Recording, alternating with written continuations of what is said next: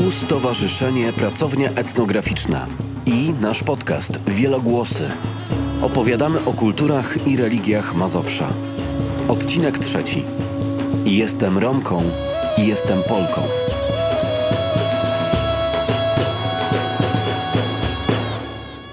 Nigdy nie zastanawiałam się nad tym, czy jestem bardziej Romką, czy może jestem bardziej Polką.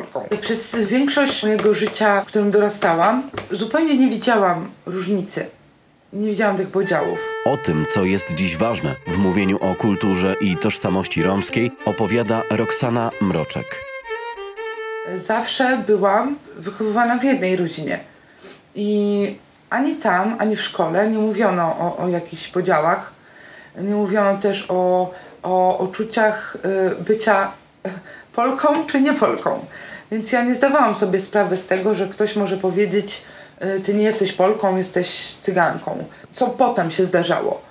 Y, dla mnie zupełnie naturalne jest to, że żyję w takim kraju, y, a nie innym. Bardzo szanuję i kocham mój kraj. I to jest mój kraj, Polska. A to, że jestem Romką, to jest część mojej historii, moich korzeni i jestem Romką polską, czyli jestem częścią Polski, e, a to, że żyję w takiej akurat rodzinie nie ma jakby dużego znaczenia e, w życiu społecznym i odbiorze świata. Myślę, że warto powiedzieć o tym, że dzisiaj polscy Romowie e, są przede wszystkim Polakami i to, czy mają jakieś swoje zasady wewnętrzne, kodeksy czy też tradycje, nie ma absolutnie żadnego wpływu na to, e, w jaki sposób funkcjonują w społeczeństwie. I nie powinno mieć wpływu na to, w jaki sposób są postrzegani. Jak wygląda to w rzeczywistości? Z jakimi trudnościami mierzą się współcześnie żyjący na Mazowszu i w całej Polsce Romowie? O tym opowiada Agnieszka Caban, kulturoznawczyni zajmująca się kulturą romską. Myślę, że to są takie stereotypy, które nadal dziś funkcjonują i na które należy oczywiście jakoś uważać i starać się nie, nie patrzeć w taki sposób, który znamy od dzieciństwa, że uważa, że cię cygan ukradnie albo że cię porwie. Poza tym, żeby nie wrzucać w całej społeczności do tak zwanego jednego worka, bo y, społeczność romska jest bardzo zróżnicowana, to jest bardzo różnorodna kultura. W czasie, w którym byłam już zupełnie dorosła, tam miałam 25-26 lat, zaczęłam się dowiadywać tego, że jest tworzona narracja w stosunku do grupy Romów w Polsce yy, ja nie mam szans przebicia. I wtedy zaczęłam zdawać sobie sprawę z tego, że yy, Roxana no to nie jest Roxana, tylko to jest cyganka. I tak było przez większość mojego życia, natomiast ja nie zdawałam sobie z tego sprawy, no bo nie miałam możliwości i nie miałam szans na bycie kimś innym niż tą cyganką. I to jest y, najgorsze i to jest utrzymywane i myślę, że to jest jedno z najtrudniejszych y, rzeczy, z którymi trzeba walczyć. Jednym z najpowszechniejszych stereotypów o Romach jest ten, zgodnie z którym większość, czy wręcz wszyscy Romowie to osoby utalentowane muzycznie, potrafiące świetnie śpiewać, tańczyć i grać na instrumentach. Roxana opowiada o tym, jak dawne tradycje muzyczne grupy Romów wołyńskich, z której pochodzi jej rodzina, zaczęły być stereotypowo kojarzone z szerzej pojmowaną romskością. Dla mnie to jest ważne, więc staram się o tym mówić. To taki tradycyjny taniec, yy, też muzyka, która została jakby przekształcona i yy, nazywana dzisiaj muzyką w ogóle romską. Yy, natomiast te tradycyjne stroje i tańce to wywodzą się z tamtej grupy. Z tego, co przekazywali mi przodkowie, babcie, ciocie, to grupa nazywana polską Romą nie miała w tradycji tańca i śpiewu. To jest nowa tradycja. Gdzieś tam została na przestrzeni kilku ostatnich dekad stworzona. Wszyscy Romowie tańczą, śpiewają, zajmują się muzyką, no bo wielu z nich się po prostu tym nie zajmuje. E, I też e, mi się zdarzało wielokrotnie słyszeć, że jak była jakaś osoba ze społeczności romskiej, no to o, zaśpiewaj albo powróż. Tak jakby kogoś ze społeczności żydowskiej poproszono o pożyczkę. No to jest na tej samej zasadzie. Ten stereotyp taki pozytywny względnie, który pokazuje, że Romowie mają taki wizerunek mocno sceniczny, festiwalowy, festyniarskie właściwie, no to to nie jest do końca pozytywny wizerunek, ponieważ nie pokazuje tak naprawdę tej prawdziwej kultury. Nie Romowie kojarzą głównie Romus z różnego rodzaju festiwalami muzyki, na przykład w Ciechocinku i z określonym wizerunkiem artysty czy artystki romskiej e, i zazwyczaj ten wizerunek jest właśnie bardzo ograniczony do na przykład wizerunku kobiety w spódnicy kolorowej e, z cekinami. No jest to stereotyp. Stereotypem jest także sielankowe przedstawienie życia w taborze, jako życia wolnego od trosk, pełnego śpiewów, muzyki, tańca. Czy decyzja o wędrowaniu była dobrowolnym wyborem i czy wszyscy Romowie wędrowali? Ja jak przeprowadzałam wywiady właśnie z osobami, które wędrowały w taborach, no to jedna e, Romni opowiadała mi na pytanie, być może takie bym powiedziała infantylne, ale yy, zapytałam ją, jak sobie tłumaczyli wędrowanie. Dlaczego Romowie wędrują? A, bo my zawsze szukaliśmy y, ziemi, mlekiem i miodem płynącej. Więc to było takie przeświadczenie, że Rom to musi być wolny, to Rom musi być jak ptak e, i że, e, że Romowie właściwie nigdzie tak miejsca nie zagrzeją, ale właściwie też nas nigdzie nie chcą. Też było takie przeświadczenie. I to życie wędrowne mm, to był taki element y, kultury romskiej, którą Romowie uważali za coś, co jest nieodłączną częścią ich życia. To znaczy do tego stopnia, że niektórzy uważali, bo były takie przekazy, że w końcu dojdzie do tego, że nas osiedlą. E, Romowie w to nie chcieli wierzyć, e, niektórzy się tego bali. E, i mówili, że jeżeli do tego dojdzie, to będzie już zakończenie całkowite ich kultury. Że to jest niemożliwe, żeby Rom nie wędrował. A bardzo duża część społeczności romskiej była, ta grupa Bergitka Roma, czyli tych inaczej karpackich Romów, była już osiedlona. Ale ci wędrowni Romowie cały czas, szczególnie te starsze osoby, które przeżyły właściwie całe życie w taborach, to były osoby, które y, nie wyobrażały sobie innego życia. Opowieści o wędrownych czasach są żywe do dziś. Do dziś zachował się także dostęp do niektórych miejsc tętniących niegdyś taborowym życiem.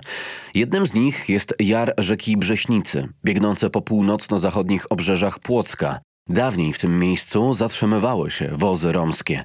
Unikatowe fotografie przedstawiające życie codzienne w tym właśnie obozowisku znajdują się w zbiorach Muzeum Mazowieckiego w Płocku. Śladem pamięci o wędrownym życiu Romów jest także mural przedstawiający chłopca na koniu, który możemy obejrzeć na warszawskiej Pradze. Zmierzch wędrownego życia Romów mieszkających na Mazowszu, jak i w całej Polsce, zaczął następować po zakończeniu II wojny światowej. Przejście Romów na osiadły tryb życia było efektem celowej, wieloletniej i katastrofalnej w skutkach polityki rządu PRL. Niestety też zdarzały się przykre sytuacje yy, związane właśnie z niedostosowaniem się do nowego trybu życia. W związku z tym, że Romowie mieli się osiedlić, to też mieli mieć takie obowiązki jak każdy obywatel w kraju socjalistycznym, czyli no, dorośli do pracy, dzieci do szkoły, zostali objęci opieką zdrowotną, społeczną. E, I e, no, często Romowie się nie odnajdywali w takim nowym trybie. E, Romowie mieli rodziny duże, często ojciec, czyli taki główny, powiedzmy taki żywiciel rodziny, nie mógł utrzymać rodziny, ponieważ rodziny były wielodzietne, ta pensja nie, nie wystarczała, nie, nie byli przystosowani, żeby tak pracować. Oczywiście też relacje między Romami a nie Romami miały tu duże znaczenie, bo też i Nieromowie nie byli przystosowani do tego, żeby tak żyć blisko, pracować ze społecznością romską, którą wcześniej postrzegali, wiadomo, w sposób też nie do końca pozytywny.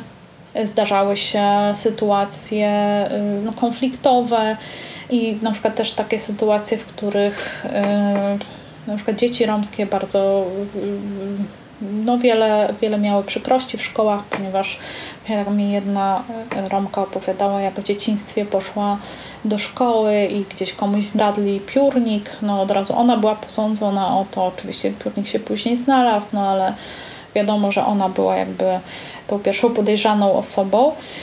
To osiedlanie miało krzywdzący przebieg, ale również dyskryminacja wobec, e, wobec Romów. Przecież no, teraz się zdarza dyskryminacja wśród służb prewencyjnych, a co mówić jeszcze w dawnych czasach, kiedy ta świadomość kiedy w ogóle nie było żadnej edukacji wielokulturowej, antydyskryminacyjnej, więc Romowie nie mieli swoich przedstawicieli wysoko gdzieś tam przed organami władzy, więc też nie mieli takiego y, wsparcia i też nie do końca się z nimi liczono po prostu. Uważano ich z takiego stereotypu włóczęga, często y, złodziej, y, osoba zupełnie nieodpowiedzialna, jakiś tam no, cygan, który od dziecka straszono dzieci cyganami, tak? Cygan cię weźmie i ukradnie. Wiele z tych stereotypów funkcjonuje także i dziś. Te stereotypy, które chyba są najbardziej takie krzywdzące, to takie, że jaka to jest kultura romska w ogóle, że y, mówi się, że Romowie na, na przykład w związku z tym, że wędrowali, no to, że na przykład byli brudni. Niektórzy uważali, a w domach romskich jest bardzo czysto. Bardzo Romowie przywiązują uwagę do zachowania czystości, oddzielania y, tego, co czyste i nieczyste, skalane y, i nieskalane i właściwie e, to jest taki stereotyp, który e, jeszcze nadal w społeczeństwie większościowym e, się przewija. Myślę, że też taki, gdzie Romowie mm, no, są traktowani właśnie jako ci, którzy są niebezpieczni, czyli taki stereotyp, można by powiedzieć, przestępczy. I to jest bardzo raniące też dla wielu osób, które na przykład chcą podjąć pracę e, i patrzy się przez pryzmat ich pochodzenia etnicznego. Myślę, że bardzo mnie dotknęło to, że Romowie przez tyle wieków byli prześladowani, że nigdy nie byli traktowani jak e, ludzie. Wszystkie sytuacje, które spotkały Romów na przestrzeni tych wieków, no bo mówimy o wiekach, to zawsze były w narracji obcego. Mówimy o grupie, która przez y, wiele pokoleń była prześladowana. Czasy II wojny światowej, wiele okropieństw, które wydarzyły się i one dotknęły Romów, nie Romów, y, pamiętamy. Ziemia Mazowsza przesiąknięta jest krwią i cierpieniem Romów. O zagładzie Romów w czasie II wojny światowej przypomina między innymi pomnik Głaz Polny, znajdujący się w lesie koło Zakroczymia. W 1944 roku Niemcy rozstrzelali tu grupę około 100 Romów, w tym wiele dzieci. Na głazie widnieje napis W ciemnym lesie ostatni krzyk Romów. Ale to, co było takim bardzo ważnym momentem w całej społeczności romskiej, to moment, w którym mm, oni na nowo musieli walczyć o przetrwanie po II wojnie światowej.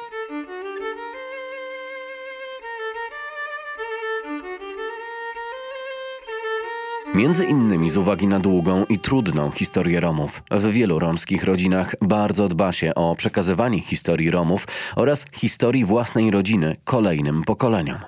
Drzewo genealogiczne było bardzo ważne i chociaż my go nie malowałyśmy, e, natomiast przez starszych w mojej rodzinie dbano o to, żeby ono zostało przekazane. I ja zapominam, natomiast kiedy usiądę i się skupię, to muszę pamiętać, wszystkich, e, na przykład całe rodzeństwo mojej babci. Znam każdego po imieniu, znam każdego po przezwisku, e, znam jakieś tam historie. Była sytuacja, w której mm, odeszła starsza siostra mojej babci. To był dla mnie ogromny autorytet.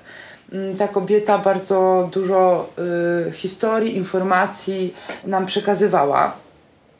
Y, I to była pani, która y, również wróżyła. I e, zdarzyło się tak, z czego jestem bardzo dumna. E, I ja się śmieję mówiąc, że ukradłam, bo e, znalazłam podczas sprzątania, przygotowywania e, miejsca mm, na pogrzeb, e, znalazłam jej karty. W takim, wiecie, nieznacznym woreczku, ja po prostu wyciągnęłam, mówię, o ja, są. Więc pobiegłam do cioci i mówię, ciocia patrz, biorę sobie i schowałam, nie? Więc lubię sobie żartować, że ukradłam. Więc tak, mam te karty, e, ja ich nie używam, bo nie wróżę, ale mam. To są karty z lat 70. Karty do wróżby tarota. Są przepiękne. Mam też buty kolejnej siostry mojej babci. I to też jest fajna anegdota, bo to były buty siostry, która najbardziej się stroiła i uwielbiała buty. Moja babcia też słynęła z tego, że była bardzo elegancka, więc dostała w prezencie szpilki. To są lata 50., 60. i to nie były szpilki, tylko taki koreczek, buty na takim podwyższeniu. Ja je mam. E, oczywiście są pielęgnowane i, i chowane.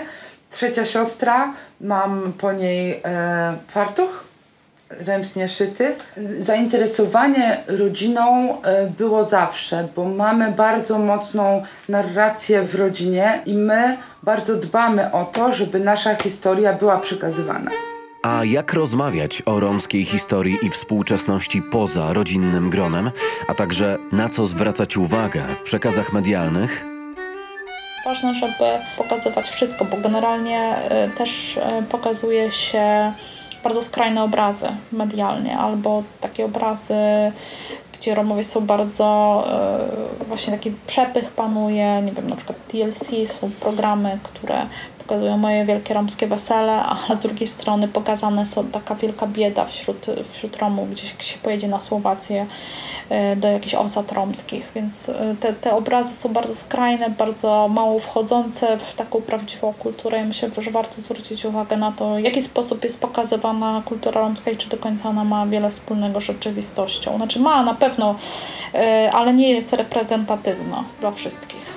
Chcąc zaczerpnąć rzetelnej wiedzy o kulturze i historii Romów na Mazowszu i w Polsce, można sięgnąć innymi do zbiorów Muzeum Kultury Romów w Warszawie. Choć muzeum nie posiada aktualnie stałej ekspozycji, udostępnia bogate zbiory online. Równocześnie w wielu miejscowościach Mazowsza odbywają się wydarzenia związane z kulturą i historią Romów na Mazowszu i w Polsce. Zachęcamy do śledzenia i uczestnictwa w tych inicjatywach.